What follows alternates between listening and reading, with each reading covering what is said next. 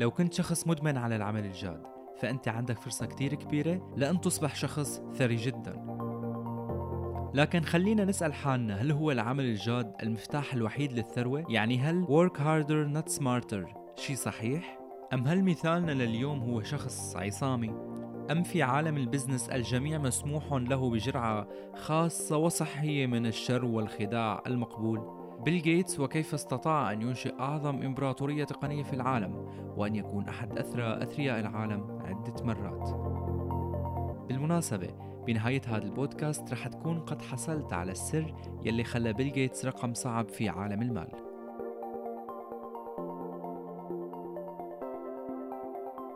المعروف عن بيل جيتس إنه هو قارئ نهم وعنده قاعدة بتخص القراءة بتقول لن أبدأ كتابا لن أستطيع إنهاءه وهو كل فترة بيجدد قائمة الكتب يلي بيقراها وبيشاركها مع الناس. والمعروف عنه كمان عدم التكلف في لباسه ومقتنياته. في قصة شهيرة بتقول بأن بيل جيتس وابنه ذهبا إلى مطعم وعند دفع الفاتورة قام الابن بإعطاء النادل 100 دولار. في حين أن أغنى رجل في العالم لم يعطيه سوى 10 دولارات. معللا ذلك بأن ابنه هو ابن أغنى رجل في العالم أما هو فلا. وبغض النظر عن صحة هي القصة إلا أنه المعروف عنه عدم التكلف بالمظهر تبعه. وبغض النظر عن بعض المقتنيات الغالية جدا يلي بيمتلكها كاليخوت لكنه من حيث المبدأ ومن حيث نمط الحياة هو كتير شخص بسيط وغير مبذر مقارنة بثروته. وهذا إذا دل على شيء يدل على عدم نسيانه المكان الذي نشأ فيه وأتى منه. يعني مو بالضرورة المال والنجاح يجب أن يمحيا لدى الشخص تجاربه التي صنع من خلالها ثروته فهي مهمة وهي ثمن النجاح أيضا. وفي مثال شهير أيضا بيحكي أنه بيل جيتس كان في لقاء صحفي. وسألته المذيعة هل فعلا انتهاز الفرص هو الشيء الذي أوصله لشهرته؟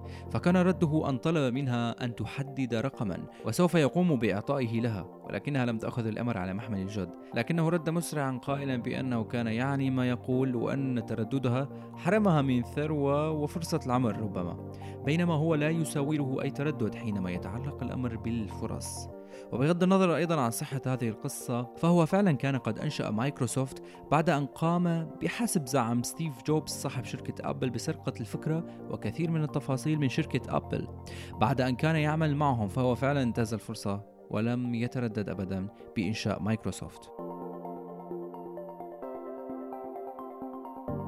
ويحكى عن بيل جيتس أنه ومنذ صغره كان يعمل بجد. وكان صديقه في الجامعة يروي عنه أيضا أن جيتس يرى مقاييس النجاح لأي إنسان من منظور الثروة فقط